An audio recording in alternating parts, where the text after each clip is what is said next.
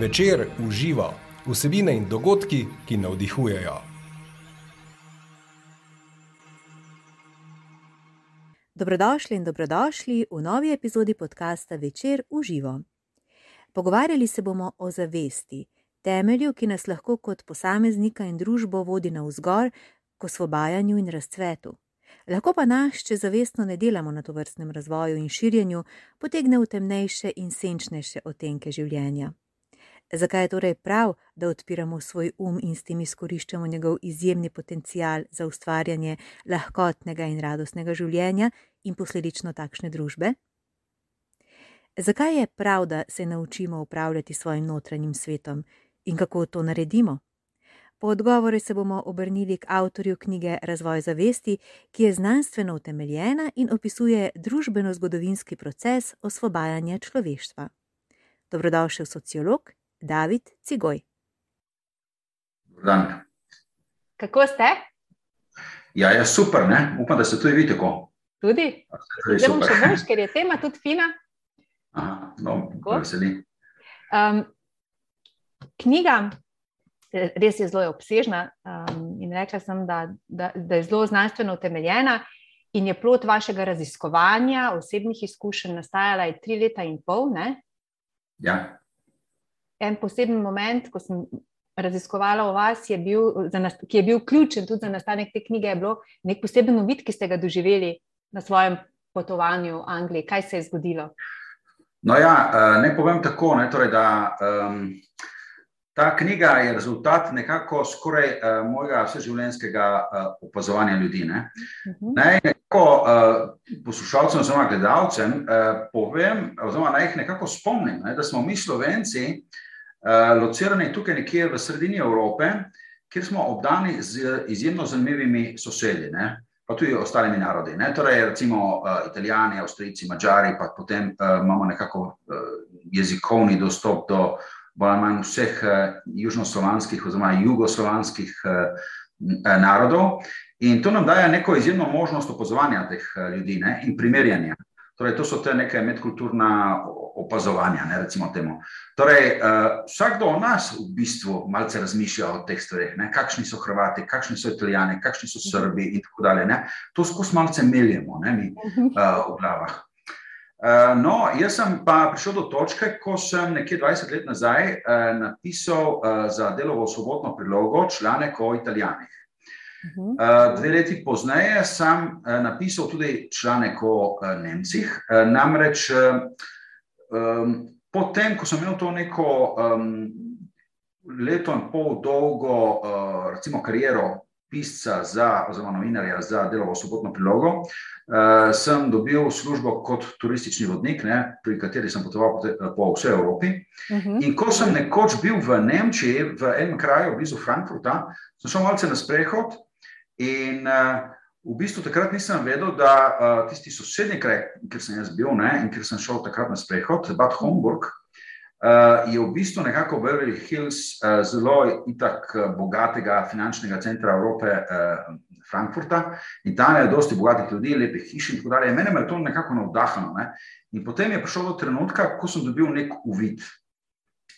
In uh, na osnovi tistega uvida sem potem kar tekel v svojo hotelsko sobo in napisal 32 točk, in na osnovi tistih točk sem napisal potem članek o Nemcih.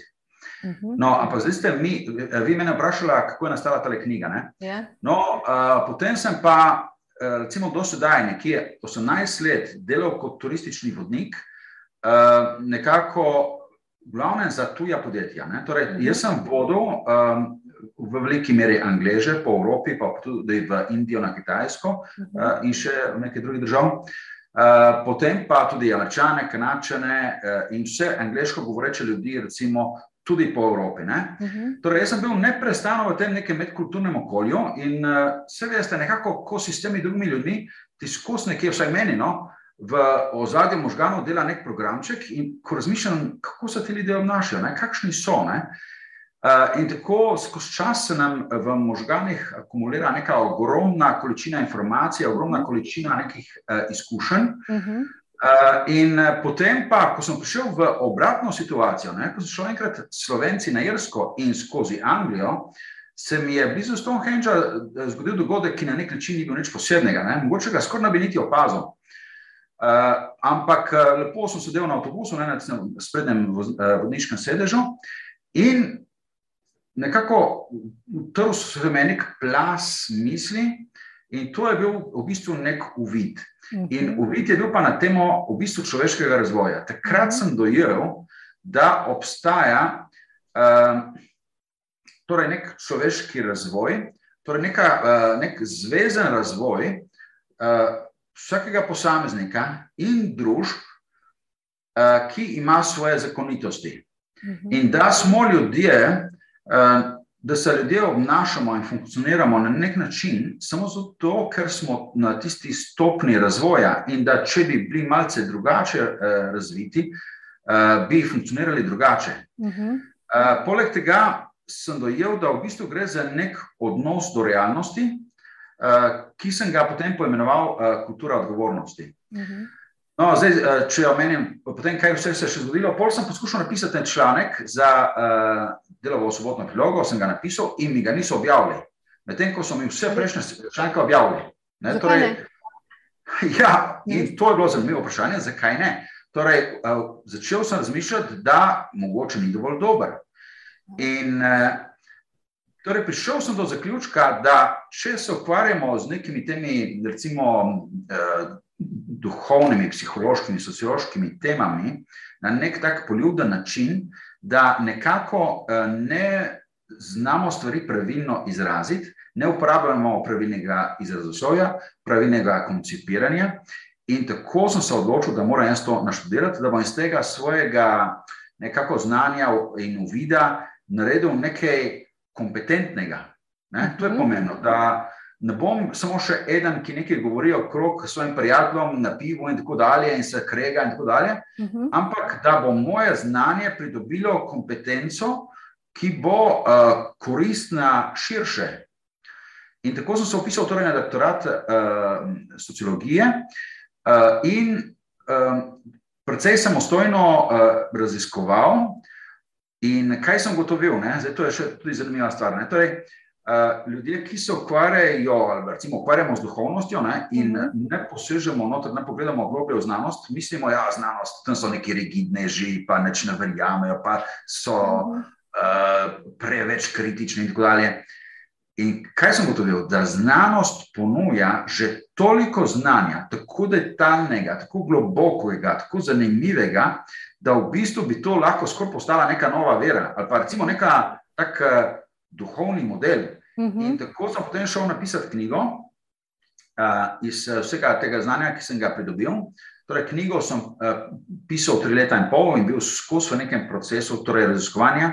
Pri čemer moram reči, da mi je tisti uvid ponudil samo še nek okvir. Jaz sem vedel, kaj moram raziskovati, kam moram uh, posežiti in uh, kje knjige prebrati in tako dalje. Uh, no, in uh, torej. Uh, nastala ta knjiga, ki ponuja uh, torej ne samo nek, neko na, nek nabor nekih um, modrosti in tako dalje, kar je ustvarila svetovna znanost, uh mhm. -huh. ampak model, to je te, uh, teoretski model, uh, ki omogoča, da se izvaja proces razvoja. Torej, uh, to hočem reči. Ko bodo bralci prebrali mojo knjigo in jo dobro razumeli, bodo sami imeli recimo ta model, ga bodo ponotranili In mhm. potem, karkoli bodo pogledali, kakršno koli dogajanje, politično, recimo, ali pa mhm. čisto tako eh, družinsko, ali nekje v nekem podjetju, in tako naprej, uh mhm. -huh. bodo sami bili sposobni razumeti, na kateri ravni se stvari dogajajo in kaj bi bilo mogoče zapraviti. Ne? Uh -huh. ne pa samo, ja, ena modrost tako pravi, tako druga modrost pravi, tako ja, zdaj pa ne vemo, kaj narediti. Ne? Gre torej za ponotranjenje modela. Uh, in uh, Mogoče bi se zdaj na tej točki pohvalil, ne, da mislim, da ne obstaja uh, še zaenkrat podobna knjiga, uh mhm. -huh. ki bi pojasnevala nekako celoto. Ne, torej, zakaj se posamezniki in družbe razvijamo, kako se razvijamo, kakšne so stopnje razvoja posameznika in družbe. Uh, in še precej nekih drugih stvari sem dal uh, zdraven. Uh mhm. -huh. Torej, verjamem, upam, da bi bila moja knjiga lahko teoretska uh, osnova In pri tem še enkrat povdarjam, da sem v knjigi citiral in, uh, kup nekih pomembnih avtorjev in pridobil mhm. dejansko tudi dovoljenje uh, od uh, nekaterih zelo pomembnih avtorjev, ki so ustvarjali ogromna znanja na področju opisa, uh, razvoja, zdaj nekako mi najraje govorimo o zavesti, torej, ampak v bistvu uh, komplementarno zavesti je razvoj ega. Uh mhm. torej, recimo uh, dr.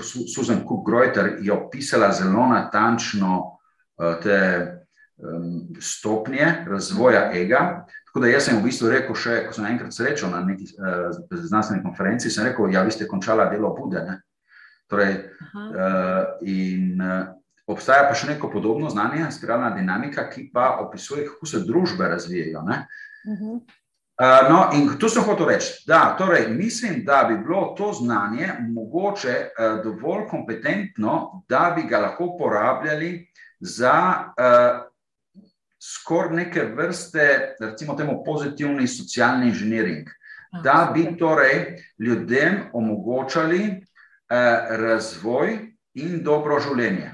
Mhm. Torej, uh, Recimo, da neka moja vizija in, mogoče, in upam, da se bo uresničila, je, da bi nekega dne ustanovili nek inštitut, uh, ki bi bil odobren, seveda, in upamo, mogoče celo tudi financiran s strani države, ki bi, tako kot imamo, recimo, bolnišnice, za, ko smo telesno bolni, uh mhm. -huh. psihiatrične bolnišnice, ko uh, zbolimo uh, na umu, recimo, da bi imeli podobno inštitucijo ki bi skrbela za zdravega človeka, da bi se optimalno razvijal in uh, si ustvaril neko optimalno življenje, plus tega bil sposoben uh, nekako uh, kompleksno živeti. Torej, s tem kompleksno mislim, da bi bil sposoben se, uh, se prilagajati novim službam, početi nove stvari, mm -hmm. da bi lahko to torej upravljal z življenjem.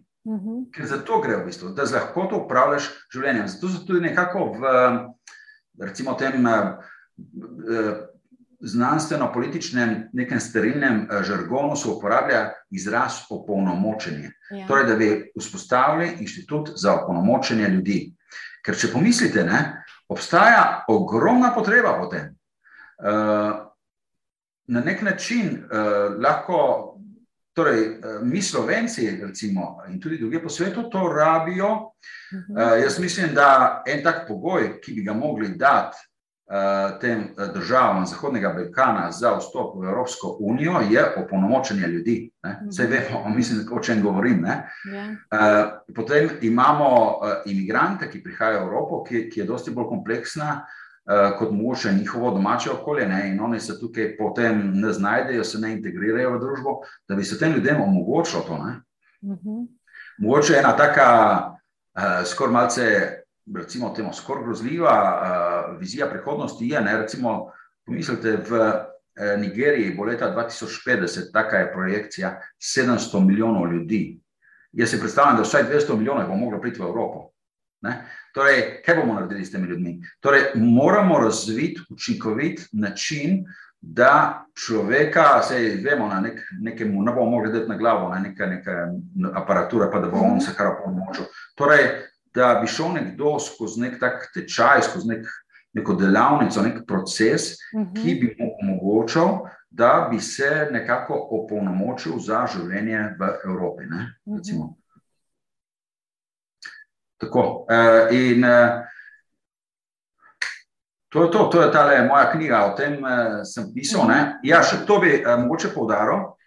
Torej, uh, če želimo nekaj, da se dogaja na uh, družbeni ravni, ne? torej za cel ja. narod, ne? Ja. Uh, mi si ne moremo privoščiti nekega, uh, nekega takega polovičarskega znanja ali pa nepravilnih izrazov, ne, ki veljajo nekako v svetu duhovnosti. Ne. Jaz rečem, ja, stvari srca, ne. po mhm. srcu, srcu sledi. Ne. Ja, kaj to pomeni? To ne, ne moramo vedeti, kaj to pomeni. Ne.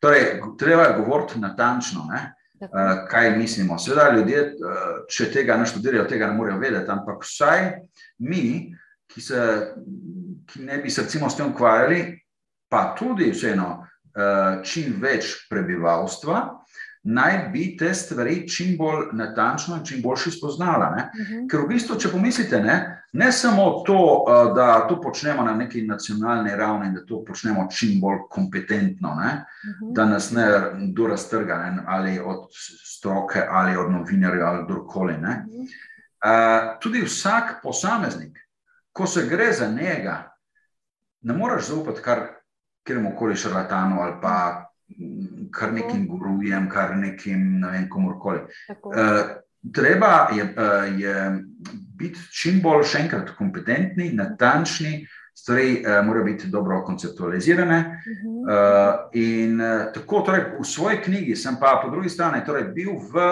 stalno v tem precepu, ne, Mhm. da uporabljam po eni strani in čim bolj uh, nekako znanstveno pravilno pojasniti stvari, po drugi pa sem želel biti uh, čim bolj berljiv.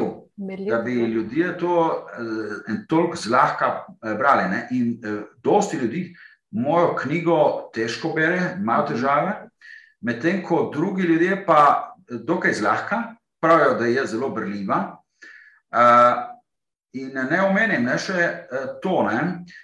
Uh, torej, obstaja, če se vprašam, kdo, kdo je tržišče moje knjige, ne? kdo so ti ljudje, ki bi tako knjigo brali. Ne? Uh, na nek način bi si želel, da bi jo bralo čim več ljudi in seveda vsi. Ne? Je tudi, ne vem, um, torej, knjiga je bila izdana uh, s podporo ZRC Sazo in direktor ZRC Sazo mi je osebno rekel, ja, tvojo knjigo bi mogel prebrati vsak državljan tega sveta.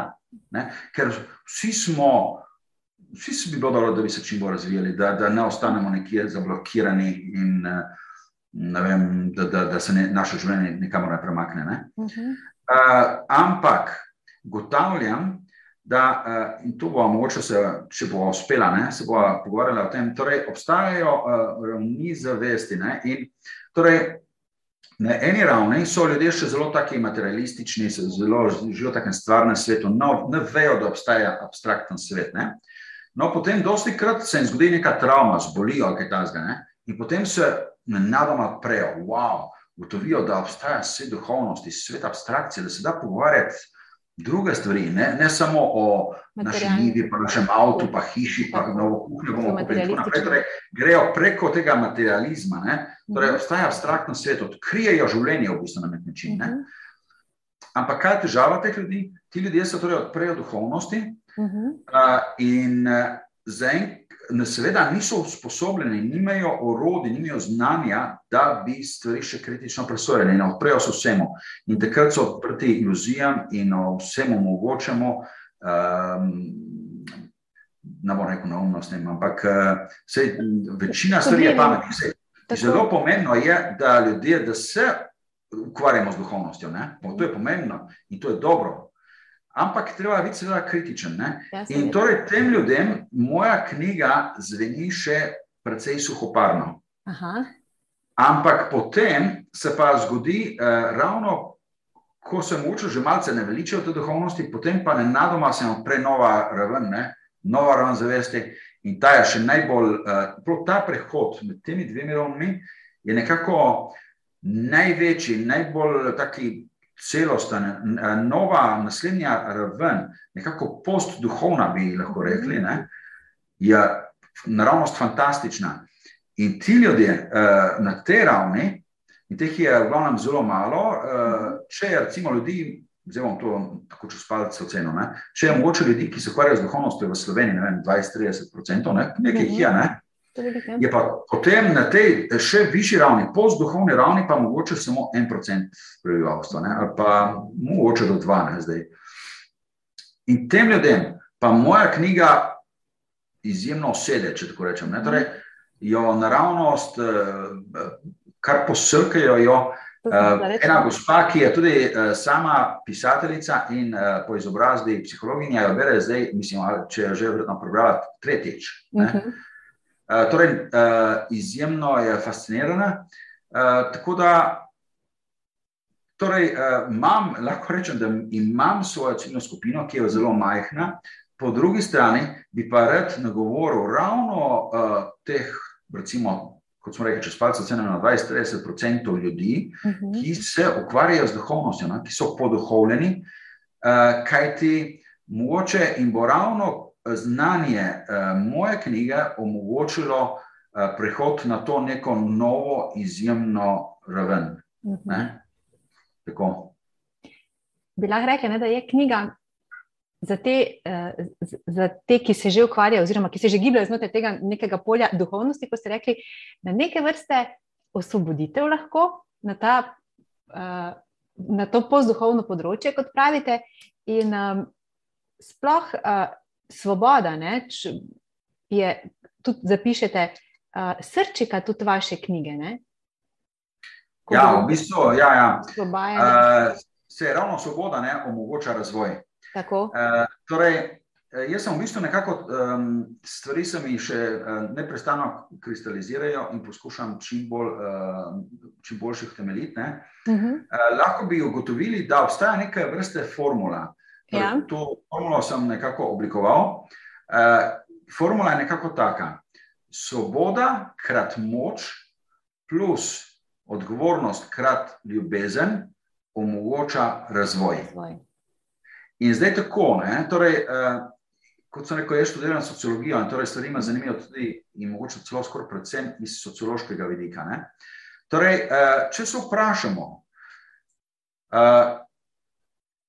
kje, kje bi živeli, ne, oziroma kje, družbe uh, vzpostavljajo nekako najboljše življenje, najboljše pogoje, kje mhm. družbe so vse cvetoče in kje družbe so trpeče, mimo grede, to so čisto uh, uradna izraza. Uh, Torej, če se vprašamo, ali bomo zdaj, v kratkem, mi začeli bežati v Afganistan, ali bodo Afganistanci bežali k nam, ne, mhm. ali pa na Švedsko. Uh, torej, kaj je tisto, kar omogoča, da ljudje začnejo uh, pravilno funkcionirati in da se razcvetijo? Ne? Super izraz. Dobro. Uh, dobre družbe, dobro delujoče družbe, dobro delujoče, delujoče ekonomije, da imajo mimo grede zdrav odnos do okolja, uh -huh. da v družbi ni korupcije, da so uh -huh. inovativni in kreativni, da uh, skratka vse funkcionira. Ker mimo grede, ne, uh, torej obstaja nekatera družba na tem svetu, ki imajo vse. In so po vseh možnih kriterijih, kar gledate teh uh, indeksov in drugih uh mhm. -huh. kategorizacij, so nekatere družbe na vseh na vrhu. So. Nekatere so na dveh tretjinah, in to smo mi, Slovenci, recimo. Nekatere so na polovici, po vseh, in nekatere na dnu, po vseh. No, kje je pa na vrhu? Prosim? Kje je pa na vrhu? No, zdaj, to, če da. Ja, skandinavske, skandinavske. Aha, skandinavci so. Ne? No, in se ravno o tem, što, zakaj pa oni? Ja. E, še to, ne? mi si nekako jemljemo kar za samo po sebi umevno, ne? da nekatere družbe funkcionirajo res optimalno. Uh mhm. -huh. Ampak to je vrhunski dosežek. Ja. To, da vi veste, da z nekom poslujete in da vam bo plačal, ali pa da greste v službo in tam prijetno okolje. Uh -huh. uh, da, si, da greste nekam, recimo, v službo in da, ko greste v službo, objamete svojega šefa. Si predstavljate to? Jaz to osebno poznam uh, ljudi, poznam človeka, ki svojega šefa objame. Ja. Tudi to je možno. Uh, to, da stvari resnično funkcionirajo in da okolje ne trpi, naravno okolje, ne? Uh, kaj to omogoča vse, kaj je predpogoj, torej svoboda. Ja. In torej, družbe, ki so že dalj časa svobodne, so toliko bolj naprej mhm. in ustvarjajo toliko boljše družbe.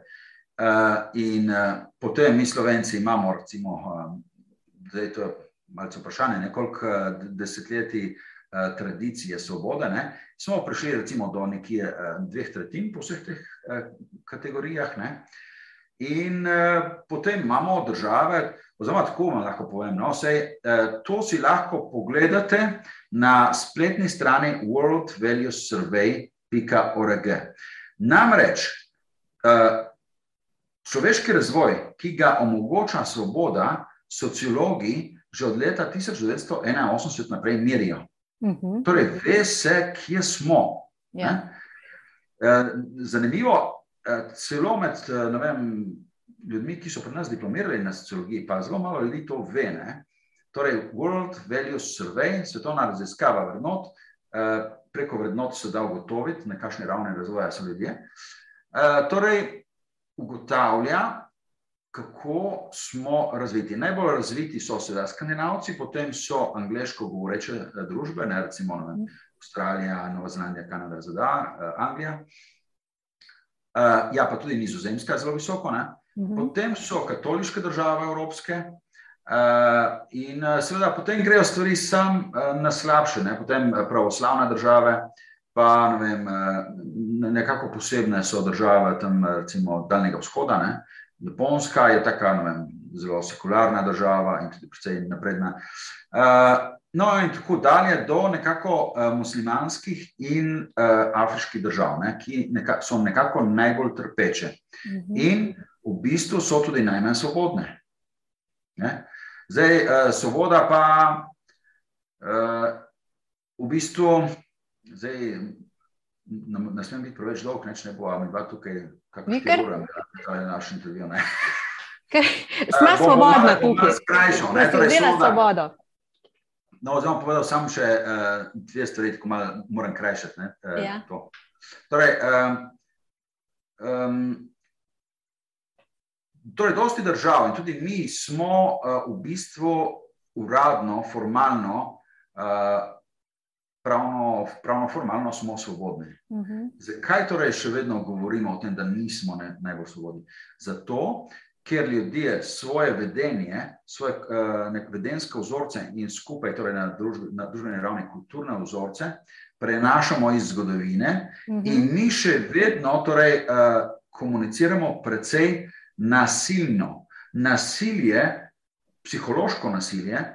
Uh, onemogoča svobodo, mi onemogočamo svobodo en drugemu. Uh mhm. -huh. Zdaj, recimo, kdo se kdor gleda te kakšne, kdo spremlja vem, te razne, mm, kako se reče, temo, neke modrece tam iz ZDA in to ne tega, kaže, da se nam spomnimo imen primko. Oni govorijo o tem, da se moramo notranje osvoboditi, torej osvoboditi se teh svojih prepričanj in tako, tako dalje. Ne? Ja, uh, ampak uh, pomembno, še bolj pomembno je, da se osvobodimo med seboj, ne? da eh, znotraj družine, družinski člani, da ne komuniciramo nasilno med sabo, v službah in tako naprej. Uh, nasilje je pa to, uh, se sem v knjigi opisal precej pol enih primerov, je vsaj 15, mislim, da, ko eden drugemu ne omogočamo izbire. Ja. Uh, zdaj, en tak primer, ki ga rad dam. Ne, recimo, uh, da pridete v uh, restavracijo. Um, in jaz sem vozil, ne, to recimo Angleže, ne vem, recimo, kam je na Hrvaško. Pa je rekel, na takar, tukaj so vse te. Ne. No, drugi je bil že bolj prijazen, torej to je zelo nasilno, ne, torej nobene izbire in da tukaj so vse te, oni so mogli vse stjane. Pol, kakšen je bil že bolj prijazen, pa je rekel, tukaj so vse te, prosim. Ne. Eh, pravi preobrat se pa zgodi, ko uh, ljudem ponudimo možnost, da se sami odločijo, in to postane tudi del uh, nekako naše, naš kulturni vzorec. Uh mhm. -huh. Torej, da na taka reče, da bi se usedli tukaj. Uh mhm. -huh. In človek se sam odloči in reče: Ja, ali pa ne, seveda bo, recimo, da bo prijazen, pa bo rekel: Ja, ne. Ampak um, on mu da možnost. -hmm. In tako, torej, lejte, uh, potem naslednja stvar. Ne, uh, iz tega potem se rodi, rodi ven odgovornost. No, to. Tako. Uh, ampak, zdaj, lejte, pa deva, deva samo še malo, da ostaneva pri uh, svobodi, da se še par stvari pojasni. Mm -hmm. Torej, uh, svoboda po definiciji, kaj je? Mi si mislimo, da svoboda največkrat je, da to lahko vidiš, kamorkoli hočeš. Tako, tako. Evo, zdaj jaz pustim družino, pa grem lepo nekam na toplo, na plažo, pa se imam fajn, uh -huh. njih pa kaj šiša. Ne? To ni svoboda. Ne? Svoboda je eh, po definiciji možnost delovanja brez prisile. Uh -huh. In kdaj jaz lahko delujem? Jaz lahko delujem na področjih, ki jih obvladam. Če nekaj vem, da obstaja in kakšno so lasnosti tistega, tam lahko delujem. Če sem kemik, lahko delujem na področju kemije, mm -hmm. sem tam svoboden. Ne? Ampak zdaj, recimo, tako, recimo, malo bolj življensko. Uh, in ravno zato, še mimo grede, uh, je v tej moji formuli svoboda, krat moč. Torej, gre za uh, v bistvu količino informacij, ki jih imamo. Informacije pa do, uh, dobivamo nekako po horizontalni in vertikalnem, po horizontalnem in vertikalnem zavedanju. Horizontalno si širimo z znanjem, ne hodimo v šole Mhm. in tako naprej, beremo, potujemo in pridobivamo take informacije. Vertikalno zavedanje je pa nekako v globino. Mhm. In o, to je pa, koliko se jaz zavedam stanja. Ne? Recimo, uh, pomislite, majhni otroci ne, se v glavnem zelo malo zavedajo, kaj se sploh dogaja. Ne? Še še danes sem slišal enega otroka, otroka, ki je rekel: Mama, kam gremo? Ne? Nekaj ti si otrok šel, pa ni vedel, kam gre. Ne? Torej, zelo malo se zaveda, kam, kaj se dogaja. In tudi odrasli, mi si vsi mislimo zase, da vemo, kaj se dogaja, pa to zelo različno uh, uspevamo uh, Mhm. se zavedati. Ne? Ker uh, vsak živi v svojih možganih, ne? vsak misli, da to je to, ne? to je vsa realnost, ki obstaja. Ne? Jaz ti tako vse vem, zdaj razumem, kaj se dogaja, pa ni tako. Ne? Mi zelo različno se zavedamo, kaj se dogaja. Ne? In torej, uh, z meditacijo ne, se da to uh, vertikalno zavedanje okrepiti. Mhm. Okrepi pa se tudi z, enostavno psihološkim razvojem, ne, ki se lahko zgodi tudi zaradi drugih stvari, in spet bom poudaril, predvsem zaradi svobode. Ne. Če Ja. sem jaz uh, svoboden, ne, torej, če moje okolje ni nasilno, da bi se jaz moral psihološko braniti, Mhm. se torej, uh, če, če živim v nekem demokratičnem, svobodnem okolju, še to je zelo pomembno, v katerem sem enakopraven. Mhm. Zato se to podarja enakopravnost. Ne? Ker takoj, ko ste vi malce neenakopravni, že se morate braniti in že se vaše vertikalno zavedanje omeji. Ne? Mhm. Če sem svoboden, se, moje, uh, se moja obramba ega uh, popusti, jaz odprem in se boljši zavedam. Se, moja zavedanje se neprestano krepi ne, skozi življenje. Ne? In zato torej ljudje, ki živijo v bolj demokratičnih okoljih, kjer si so potem tudi kultura je uh, bolj demokratična uh, in nenasilna, plus sami se notranje ne osvobodijo, ne? torej tr- trije nivoje osvobajanja, se lahko bolj odprejo realnosti, se Mhm. bolj globoko zavedajo, kaj se dogaja, ne? to po uh, uh, vertikali. Recimo, da lahko pridobijo tudi več informacij po uh, horizontali, in ti ljudje imajo možnost se razvijati. Mhm. In torej, ker dobro vejo, kaj se dogaja, ne, pa to ne vem, že samo če v eni gostilni ne vem, sedimo štirje, pa nekaj klepetamo, ne, eh, da vemo, kaj se tam dogaja, kaj je tema v bistvu pogovora. Kaj, ne, ker eh, včasih veste, da v, v debati ne, je nekdo, vidite, da je nek, mogoče, kako bomo rekel, aha, to je malce grobo rečeno, ampak ni druge. Nekdo je lahko zelo omejen ne? in uh, ne more razumeti, kaj se v bistvu drugi trije pogovarjajo. Ne? Mhm. Torej, če, če imam to moč, da uh, nekako razumem, uh, da torej se zavedam horizontalno in vertikalno, kaj se dogaja, v čem se je uh, snov uh, pogovora in tako naprej, uh, torej jaz lahko posegam uh, kompetentno v debato, če ne pa ne. ne? In torej, tako torej, uh, je zelo pomembno, da se ljudje, da ljudje živimo v nekem čim bolj uh, demokratičnem uh, okolju. Uh, in zdaj še eno stvar, preden nadaljujemo ne, tja na, na, na, na, na, na odgovornost. Ne. Uh, zakaj je to pomembno? Zaradi tega, ker imamo uh, vsi ljudje osnovne psihološke potrebe. Mhm. Osnovne psihološke potrebe so tako pomembne kot osnovne fiziološke potrebe, ki so tri: po spanju, jedači in pijači. Če katerega koli od teh treh nimamo, bomo storili vse, da do tega pridemo. Ne? Mhm. Uh, in uh, če ne bomo, bo naše življenje dejansko ogroženo, bomo eh, strašno traumatizirani, zafrustrirani in tako dalje. Ravno tako so pomembne osnovne psihološke potrebe. In kaj se dogaja? Mi ljudje si jih neprestano krnimo Tako. in zato smo zafrustrirani. Mhm. In bolj kot je družba nekako splošno nasilna, več imate vi uh, nekih frustracij, in posledično psiholoških težav. In samomorov, in pitja, in o, raznih odvisnosti, in tako naprej. Uh, torej, osnovne psihološke potrebe so potreba po povezanosti. Ne? To je zelo enostavno vedeti. Ne? Ljudje ne moramo živeti sami. Uh mhm. -huh. In živeti uh, nekako moramo uh, v odnosih, in to ljubečih odnosih. V odnosih, v katerih smo podprti, ne da nas nekdo dominira. Ne? Že najbolj pomembno je, da vse skupaj se začne že čisto pri malčkih. Uh, mi, kot starši, nikakor ne smemo uh, dominirati otroka. In to je največja umetnost pri vzgoji, ki, ki boš ti najdel za neko pravo ravnovesje. Ne? Ta otrok bo lahko počel na umnosti, ne lahko se bo poškodoval, karkoli. Ne?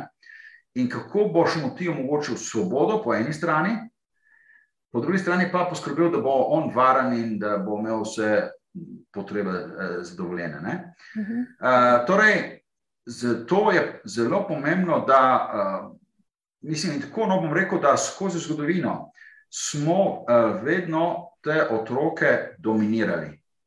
In to smo mislili, da je dobra vzgoja. Uh, ja, tega ne smeš, pa to so nadela, pa to, pa on ga ne, pa tako ja. Pa, skratka, neka izjemna dominacija, že omejitev, že nekega uh, malčka. Uh, torej, uh, torej, tako, no, odnosi morajo biti čim bolj enakopravni in uh, podpirajoči. Uh mhm. -huh. Ljudje se moramo eden drugega podpirati. Ne? Uh, zdaj, seveda, ne bom uh, vsega povedal, kako je to. Mislim, to je ni, spet ni enostavno, ne? ker uh, oni drugi človek bo lahko počel na umnosti. Zmeraj smo v tistem, tistem precepu, ne? ali bomo nekomu zaupati ali ne. ne? Predvsem mogoče nekemu majhnemu otroku ali pa najstniku ali kako koli. Ali pa tudi novem partnerju ali pa šefu ali pa šef delavcem in tako dalje.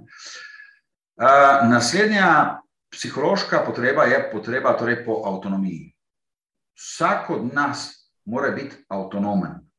Ne? In eh, torej, mora, vsak od nas se mora odločiti sam zase. In pomislite, nekako v družbah, ne, je, ki so kolektivistične, ljudje ne odločajo sami o sebi. Uh -huh. uh, odločajo v veliki meri družba. Uh, Za ljudi ne. Poročijo jih, tako kot starši rečejo. Torej, drugi določajo, kako bodo oni živeli. Mhm. In no, torej, ljudje niso avtonomni. Ne?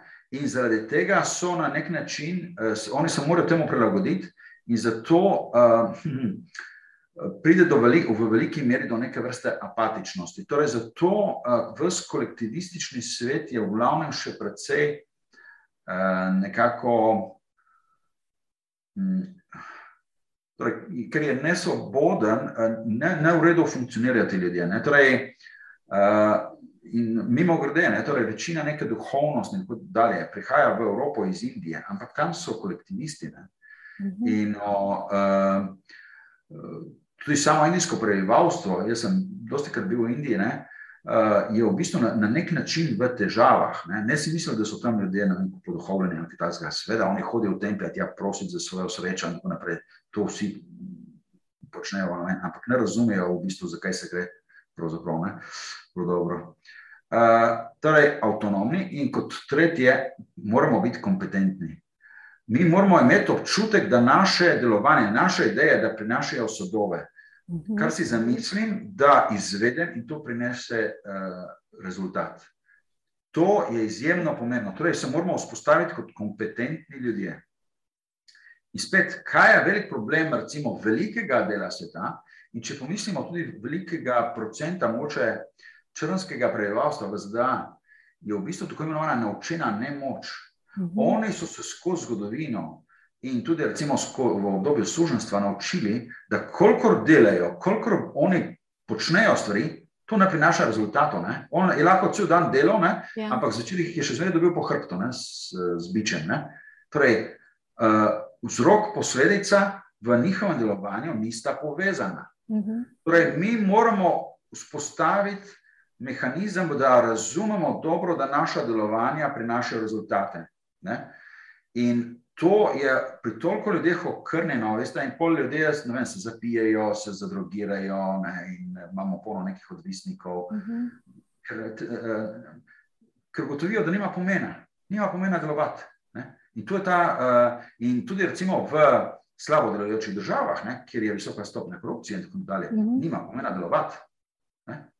In eh, torej, zato je zelo pomembno, da družbe, kot smo rekli, postanejo svobodne, dobro delujoče, da institucije, državne, tako in drugače, šole, zdravstvo, vse da dobro funkcionira, da imamo občutek, da če se nekaj, če nekaj sprožimo, ne, da se bo potem tudi nekaj zgodilo, da sta vzrok in posledica povezana. To je bistveno.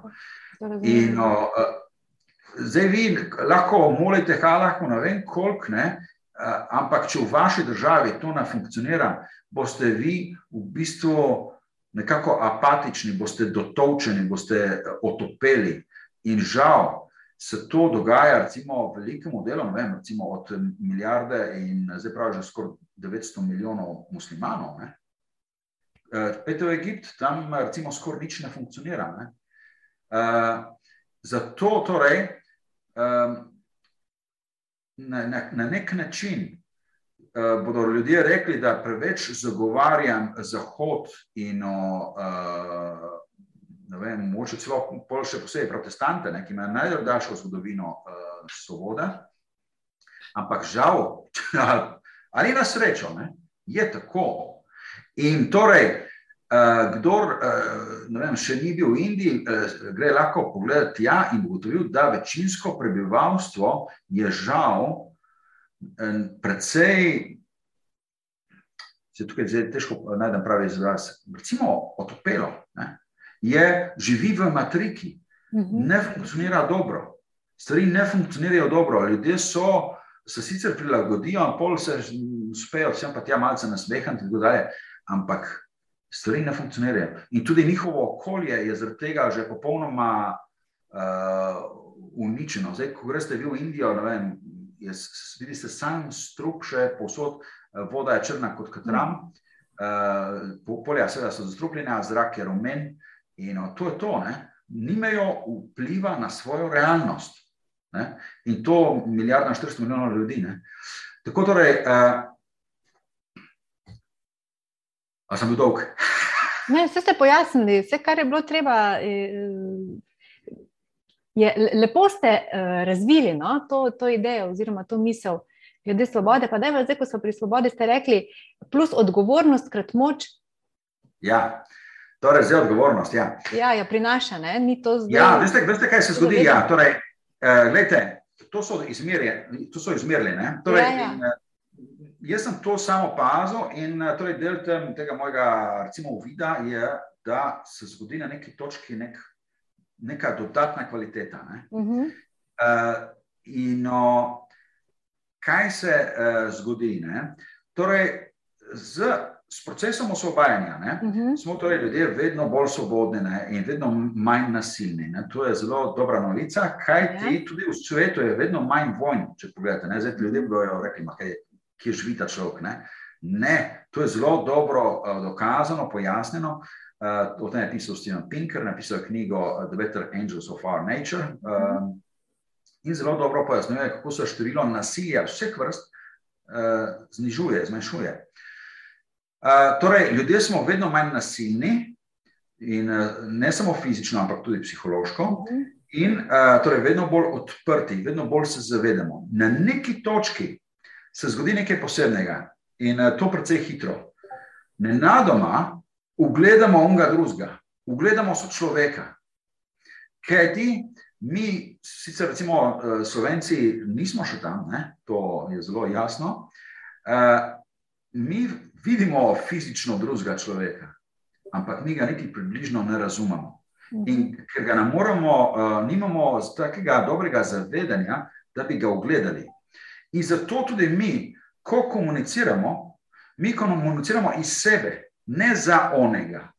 Ne? Gre za to, kaj imam jaz tebi zapovedati, ne za to, kaj imaš ti za slišati. Uh -huh. In torej jaz s tabo poskušam upravljati, ti pa z mano. In tako smo pol skozi nekem takem konfliktnem ozračju, ne? medtem ko na neki točki, kot sem rekel, se to obrne in nenadoma funkcioniramo za, za druge. Ne? In perspektiva se nam dvigne, in uh, vidimo sebe samo še kot enega od igralcev, recimo znotraj družine, recimo, da smo štiri mhm. družinski člani. Če recimo poprečen slovenc funkcionira kot jaz, oče, recimo, ne kot moški, uh, funkcioniram, jaz tu poskušam upravljati z vami. Ne? Vi, bo, otroci, boste pridni, ti žena, počni to in to, kar si jaz želim, in tako naprej, jaz tebi sporočam to. In ono, ne? ko na neki točki se pa zgodi ta uh, razvoj in jaz na nadoma funkcioniram, aha, tale moj otrok je pa zdaj v tej fazi in tako on bi rabo slišati to in to, pa kako ne moj jaz povem, pa na najbolj pravilen način poskušam povedati stvar, ne? na način manj nasilen, pa tako, da bo on res tisto pograbil, da se bo uprl. Uh, in uh, torej, začnemo komunicirati za onega in iz više perspektive, v čemu mhm. smo sami, samo še eden od igralcev. Mhm, torej, vredni. In pomislite, to je na nek način zdaj, uh, to je, um, gremo od te subjektivne uh, parcialnosti k objektivni celostnosti. Uh, torej, jaz vidim, sedaj, kar ne, z, potem, ko postanem odgovoren, vidim stvari širše, mhm. -huh. vidim tudi druge in bolj objektivno, bliže sem resnici. Manj rabim iluzij in tako naprej, iz vlastne glave. Ne? In kaj se torej, kaj je bilo izmerjeno, no, da vam povem? Uh, in to imate tudi tri grafe v moji knjigi. Uh, uh -huh. Da uh, na neki točni točki ljudje torej začnejo na nadoma uh, izjemno zaupati eden drugemu. In to je tudi spoh izmerjeno, na enem sredo ste gor eh, v Skandinaviji, če si pogledate Trust Index, uh, imajo izjemno visoko stopnje zaupanja. Recimo, mi Slovenci imamo zelo nizko. Ne? Uh mhm. -huh. To je malce nenavadno. Ne? Tako malo nas je Slovencev, uh, nizka gostota prebivalstva, skoraj vsi se poznamo med sabo, ampak si ne zaupamo. Ampak to uh, zaupanje pomeni, ne, da uh, v bistvu v drugem ugledam neko dostojanstvo, človeško spoštovanje. Ker pri nas tega spoštovanja, dostojanstva, tega nismo še, uh, si ne zaupamo, zato moramo uporabljati več nasilja, da bo on ja počel tisto, kar jaz želim ne, in funkcionira tako, kot jaz želim. Pa pol, ne vem, do končne faze prijemo do tega, da na sodišču imamo ogromno nekih primerov, ne, no, mislim, da največ na prebivalca, ne, nekaj tazga na svetu celo, to ne vem točno, ampak mislim, da gre za nekaj tazga. Uh, torej, uh, izjemno se poveča zaupanje med ljudmi. Torej, to pomeni tudi spoštovanje. Ne? Nadoma se izjemno uh, poveča nesebičnost. Ljudje postanejo nesebični. Ne? To je povezano tudi z uh, nekakšnim koncem materializma. Ne? Torej, uh, nesebičnost in tretja, humanistična orientiranost. Te tri dimenzije so bile izmerjene. Humanistična orientiranost pomeni, da jaz drugega percipiran tako, kot je, ne glede na to, kaj on je. Niti ne na spol, vero, mhm. narod, raso, tako kot je. In uh, zdaj, uh, torej, jaz sem uh, nekako zaključil, da bi to lahko poimenovali te tri dimenzije. Torej, uh, skupni imenovalec njim je v bistvu ljubezen, mhm. ne kot čustvo, ampak kot način obstoja. Ne? Kot neko stanje. Ja? Kot stanje. Torej, jaz, uh, ljubim uh, ljudi in svet. In v bistvu uh, to se da pojasniti tudi, uh, ker če sem jaz bil uh, toliko časa svoboden in odprt, ne, mm. Kaj se ljudem dogaja? Proces ponotranjanja in integracije. Torej, vedno več ljudi in tudi stvari tega sveta postaja del mene. Ne? Ne vem, recimo, uh, so vas, vsakega človeka so že kdaj identificirali z način. Ne? Recimo, mene, uh, jaz sem dosti hodil v Indijo in pol vsake krat, ko roki na televiziji od Indije, so mi rekli, ali Indija, ne? meni so to povedali. Ko češ jaz, glej, ti si ja. povezan z Indijo. Ja, ja, torej, jaz resnično sem se z Indijo, uh, pono, sem jo ponotranil, imam res rad. Ne? In tako, torej, uh, vedno več sveta, vedno več ljudi ponotranjamo in vzljubimo. -huh. In to, kar je del nas, ne, se to je čisto tako, so tudi neki skoraj, um, neki taki mehanizmi. Ne. Do tega sem odgovoren. Torej, jaz sem odgovoren do tistega, kar je del mene. Mhm. In če ni del mene, sem do tega dokaj brezbrižen. In uh, torej, ljudje, ki živijo v nekem ugodnem okolju, demokratičnem, svobodnem, enakopravnem, podpirajočem, se zlahka odprejo, mhm. ponotranjajo in integrirajo velik del sveta vase, ga vzljubijo in so do njega odgovorni. Ne? In mhm. zdaj, uh, torej, to lahko zgradimo v veliki meri na družbeni ravni, ne? ker mi moramo funkcionirati. Uh, v, v, v družbi, tako, ne, ker vi ste lahko zelo demokratični doma, ampak če, pridete v službo, je vaš šef izjemno nedemokratičen. Uh mhm. -huh. To izjemno slabo vpliva na vas in vi boste ravno tako zaprti. Uh -huh. uh, zato je zelo pomembno, da vsi funkcioniramo tako. Zato jaz to poskušam to sporočilo širiti. Ne. Torej, da bomo čim bolj svobodni in močni. Ne, uh, in odgovorni in ljubeči. In to nam bo omogočilo potem psihološki razvoj, ne, ki pa je zdaj že druga tema. Ne. In govorite, pišete, oziroma torej že potem o um, neki zlati dobi, ne? ali pa o tej uh, ja, ja, ja. Ja, torej, aha, kvantni družbi. Kvantni družbi, ja. Torej, uh, mar, marsikateri izraz bi lahko dali temu. Ja. Torej, že samo to. Ne, uh, O, o zlati dobi jaz rad govorim čim bolj spet uh, v realnih terminih. Ja, ja, ne, ja, razumem. Veseli, kot oni Hare Krišna, ja, ja. se veselili in tako naprej, kazali, kako se veselimo. Ne? Ja. ne. Gre za vprašanje, kaj sploh zlata doba pomeni. No Jaz to. mislim, da je zlata doba že dovolj uh, to, kot imajo v nekaterih delih Evrope, pa tudi mogoče druge po svetu, vem, recimo v Novi Zelandiji, Kanadi in tako dalje. Uh, neko zelo dobro delujočo družbo, družbo ja. Ja, ki omogoča cvetenje ljudem, uh -huh. uh, oziroma v angleščini flourishing, uh, oziroma thriving. Uh, in uh, torej to uh, v, recimo v zlati dobi, ne, zlata doba je doba kulture od, uh, odgovornosti kjer torej večina ljudi že funkcionira tako, kot sem ravno kar prej opisal. Ja. In uh, to ima uh, nekako izjemen, izjemno širok nabor posledic, pozitivnih posledic. Odgovorni ljudje so odgovorni in do narave, do drugih ja. ljudi, do vsega, kar počnejo. Uh, zaradi tega, če pogledate, vem. Um, najboljše izdelke izdelujejo tam, kjer, eh, kjer so najbolj odgovorni. Ne? Eh, nekako, zdaj da imamo koga, ki ga naloga žalo tukaj, ampak ljudje, ki niso še svobodni in niso odgovorni. In jaz tukaj poudarjam, ne da bomo druge zdaj žalili ali jih dol potiskali. Vsi smo na tej isti barki, celotno človeštvo. Vsi, uh mhm. -huh. Če smo že uspešni, moramo pomagati unim, uh, ki so bolj v težavah. Ne? In tako torej, uh, dobro, govoril sem o izdelkih, torej, celo izdelke imajo boljše. Potem, uh, jaz govorim nekako o štirih uh, dimenzijah tega dobrega življenja v recimo zlati dobi. Vse je nekako dobro, ne? recimo neko tako splošno vzdušje, taka družba je pravična, ne?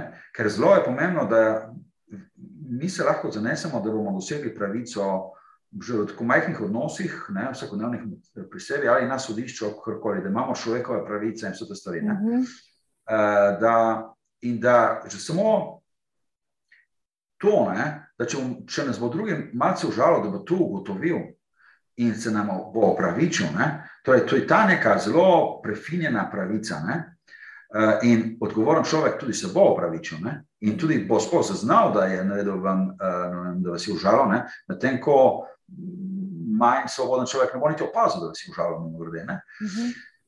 uh, torej, to, uh, potem, uh, torej, vse dobro, uh, dobro uh, pravica, uh, estetika.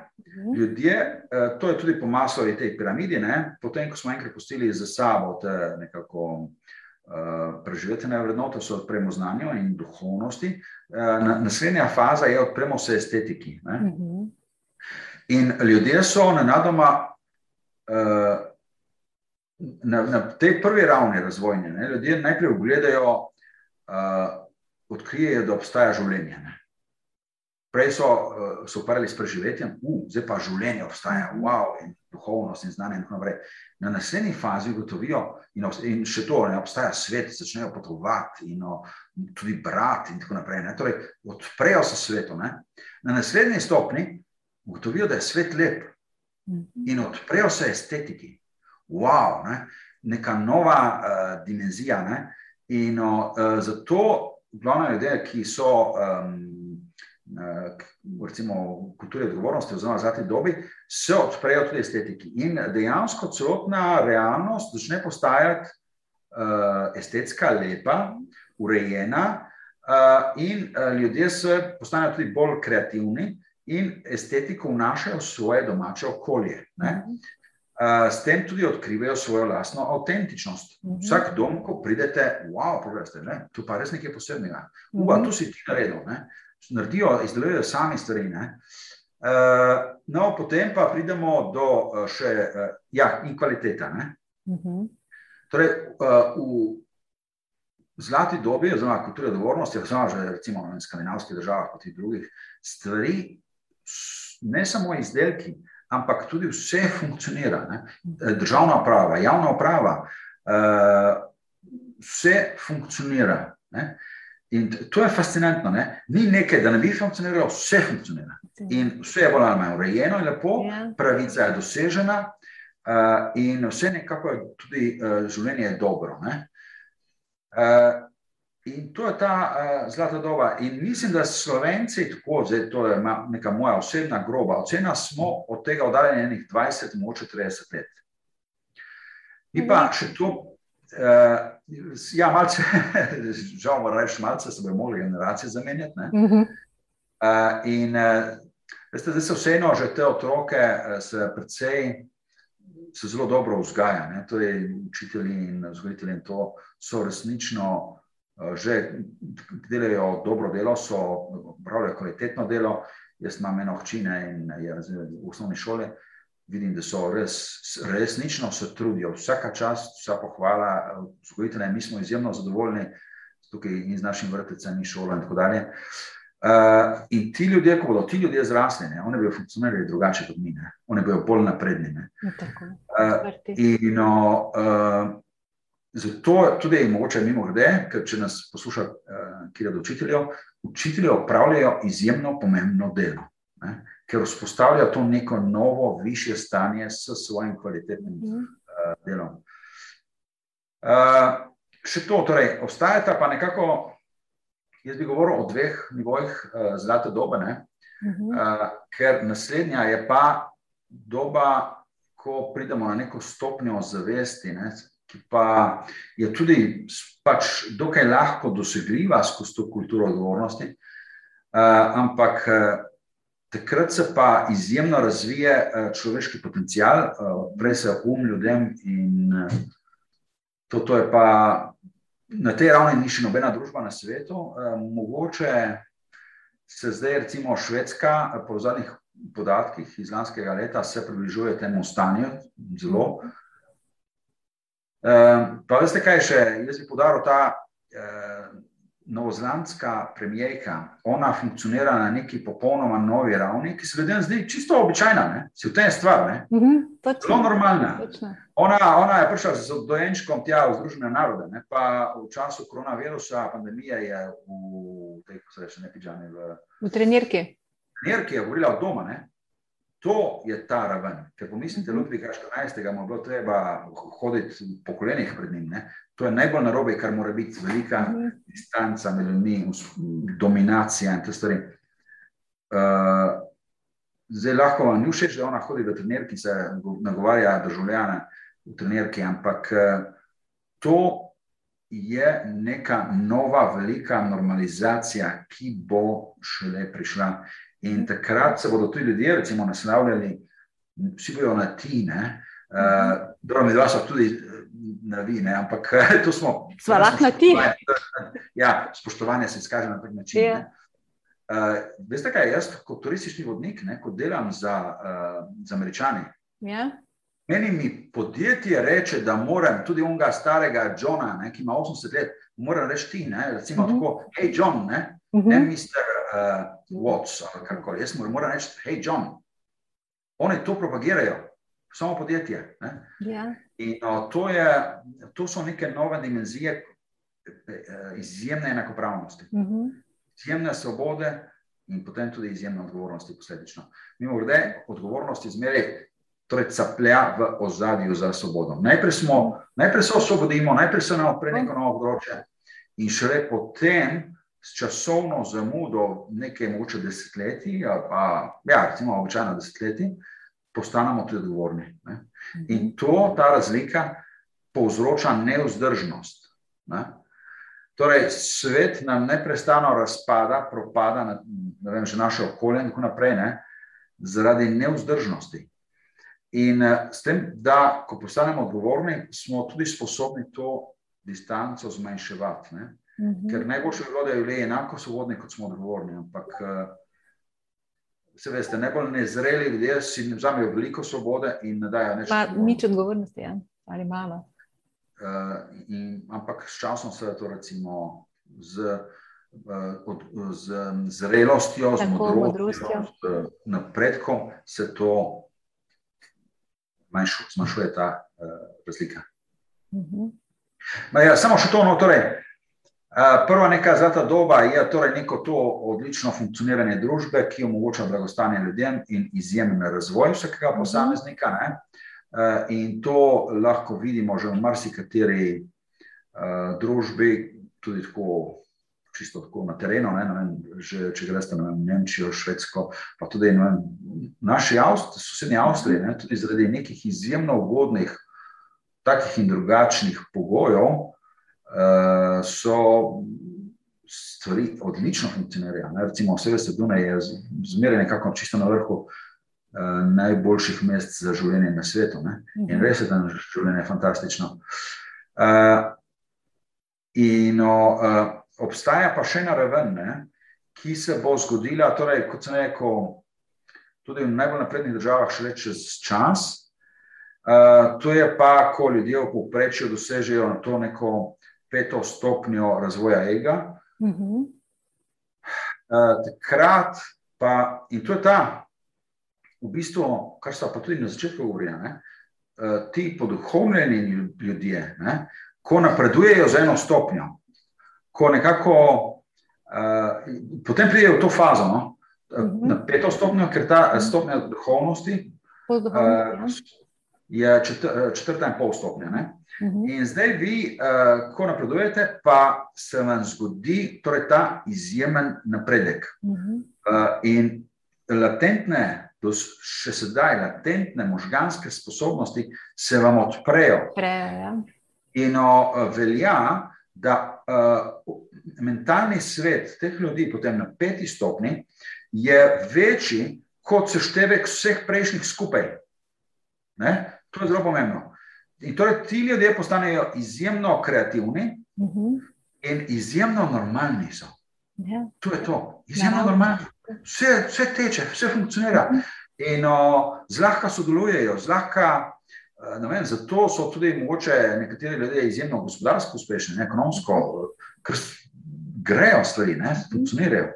Uh, med ljudmi je izjemno uh, spoštovanje in uh, zaupanje. Torej, ko pridete v službo, šefa objamete. Predstavljate to, ne? kje bi kdo v Sloveniji to naredil. Uh, in, uh, kot sem rekel, poznam ljudi. In, uh, ki ne sicer, ko pridejo v službo, ampak recimo, če ne vidijo šefa, del časa se objame. Uh, torej, in to je nek tak nov svet, ki pa je še precej daleč. Pričemer moram poudariti, da uh, torej, ti ljudje potem počnejo vse, kar je potreba. Uh -huh. To zveni precej prazno, ne, kar se ne gre, vse, kar je potreba. Ampak, če dobro pomislite, to pomeni, da če recimo nam okolje razpada, če grejo stvari na robe, so ti ljudje sposobni takoj vse urediti. Torej, ne bo, one ne, ne bodo ne vem, Ja, uh, rekli, ja, to mi prinaša več dobička, ne bom šel Mhm. reči sem. Ne. Ni preračunljivosti, ne? Ja, to, to, tako funkcioniramo sedaj. Ne. Torej, o, to prinaša dosto dobička, jaz sem uparjal s tem. In vmes smo razpada, recimo, naravno okolje ali pa družina ali pa karkoli. Ne. ne, ti ljudje vejo, znajo dobro prior, prioritizirati. Ne. Tako. Torej, vejo, kaj je pomembnejše. Ne? In, o, uh, no, zdaj smo že zašli na področje uh, teh uh, psihološkega razvoja, ne razvoja zavesti v bistvu. Ne? Vse to je vse povezano. Tako da težko karkoli ločimo. Ne? Ja. Uh, no, in tako torej v knjigi uh, sem uh, notor predstavil, in to je kar obsežno poglavje.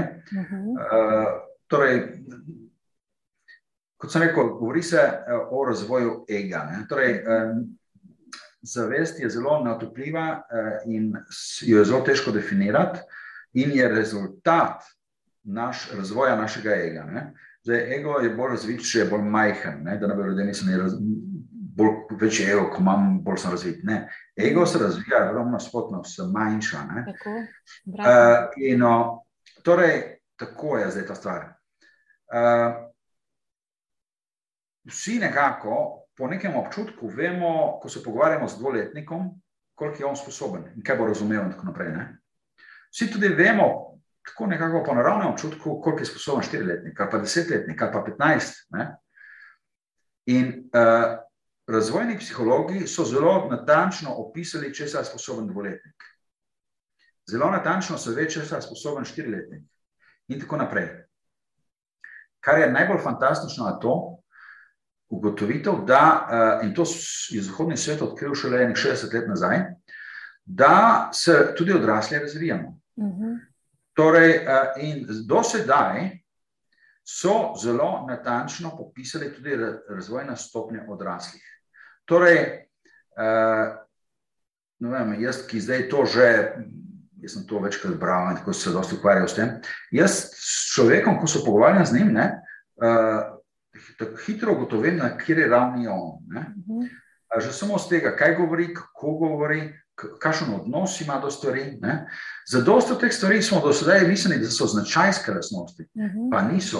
To so l- lastnosti razvoja. Mhm. Ne? Uh, in uh, tega, um, in v bistvu nekako tudi odgovornosti do realnosti, se pravi, uh, koliko smo odprti do realnosti. Ne? Uh, dosti ljudi, v bistvu njihova vedenska, eh, pomemben del veden, vedenja je v bistvu ena sama obramba. Pol je Vprašanje, kako se oni branijo, ali, ali vas bodo nekam poslali, ne? Ja, ja. ali, ali bodo rekli, ne, jaz tega ne bom. Ne? To, to, so, to so vse obrambe. Tega je še zelo veliko. In eh, večina ljudi se vede zelo obrambno. Večina se. V bistvu, da ne bomo govorili, tudi jaz osebno se vedem še vedno obrambno, ker tudi tega se zelo težko reši. Mhm. Ne? Tudi jaz, vem, ko sem bil majhen in to uh, sem razvil, mislim, sem imel nekaj kompleksa manj vrednosti in tako naprej. In torej, uh, še zdaj, ko imam že čez 50 let, ne morem se tega še v celoti rešiti Mhm. pa te stvari poznam. Ne?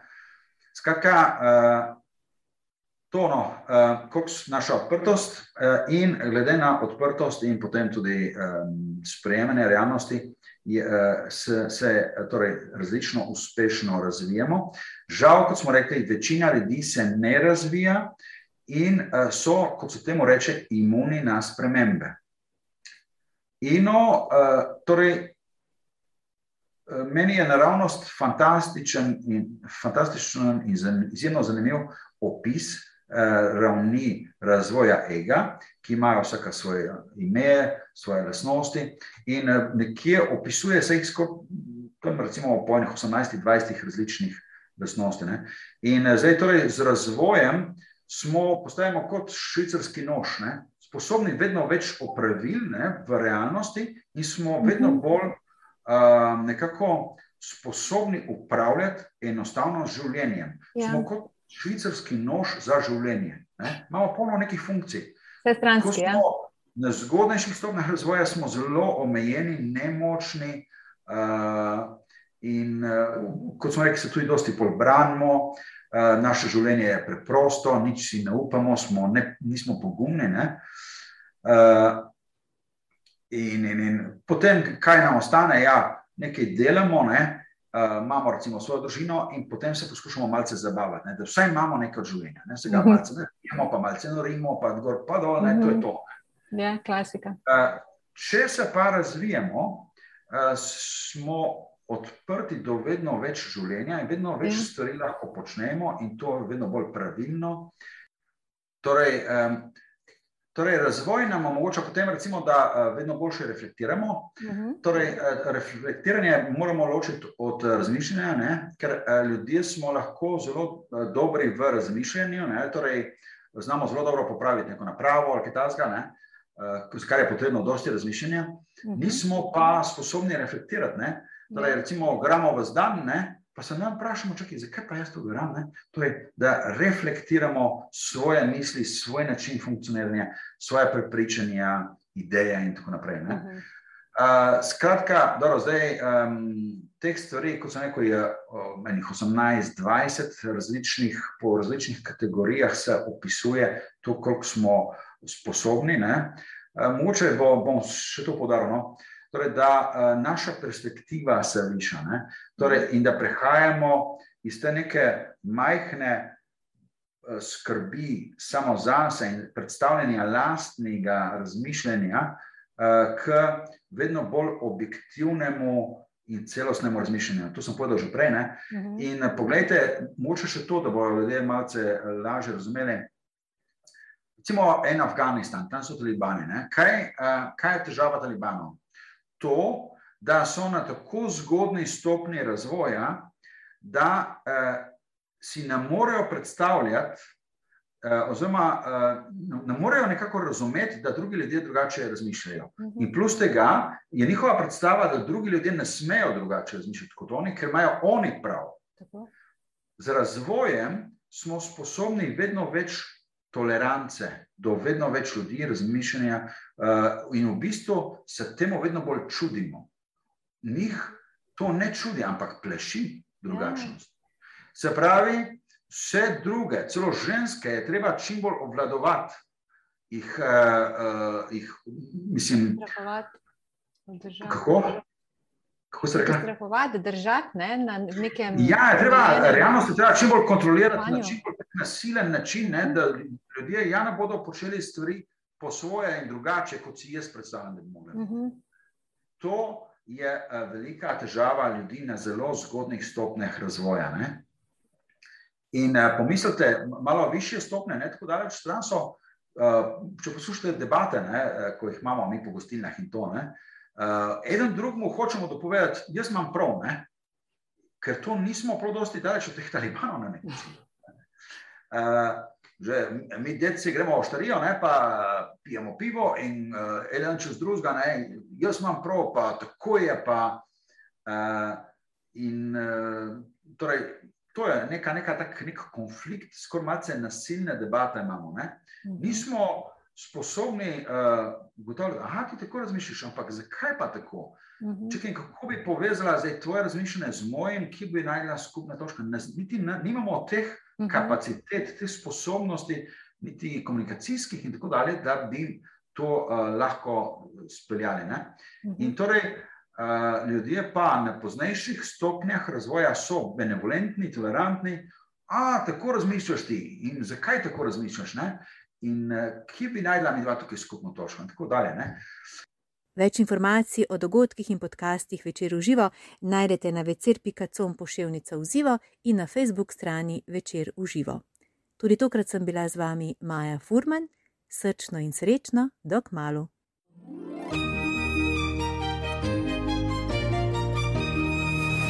Večer uživa vsebine in dogodki, ki navdihujejo.